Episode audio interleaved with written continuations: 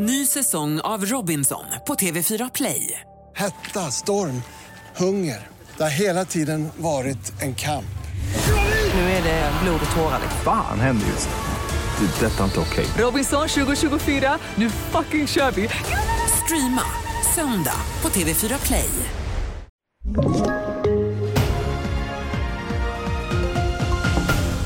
SIS-hemmen i stabsläge, regnkaos i norra Italien och en död späckhuggare har hittats i Bohuslän.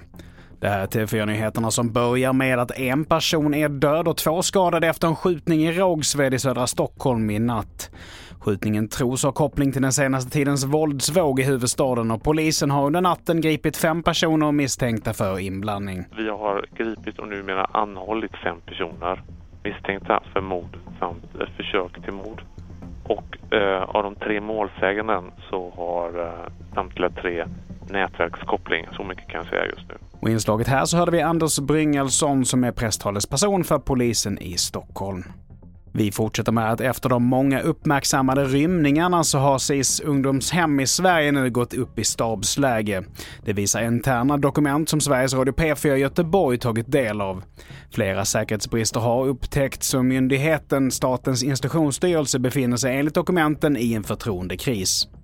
Nu införs först striktare restriktioner, säkerhetsklasser för de intagna ska revideras och beviljade besök utanför ungdomshemmen ska ses över.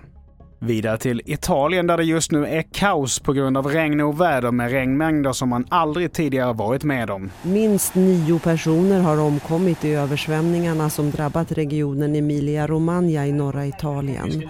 Tusentals människor har tvingats lämna sina hem.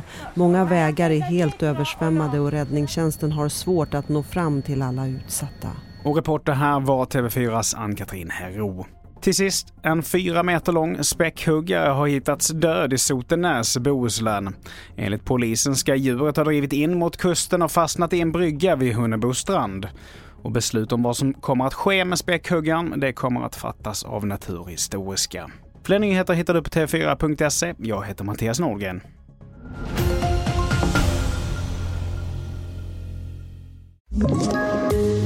Poddtips från Podplay. I podden Något Kaiko garanterar östgötarna Brutti och jag, Davva, dig en stor dos skratt. Där följer jag pladask för köttätandet igen. Man är lite som en jävla vampyr. Man har fått lite blodsmak och då måste man ha mer. Udda spaningar, fängslande anekdoter och en och annan arg rant. Jag måste ha mitt kaffe på morgonen för annars är jag ingen trevlig människa. Då är du ingen trevlig människa, punkt. Något Kaiko, hör du på Podplay. Därför arkadeinerna.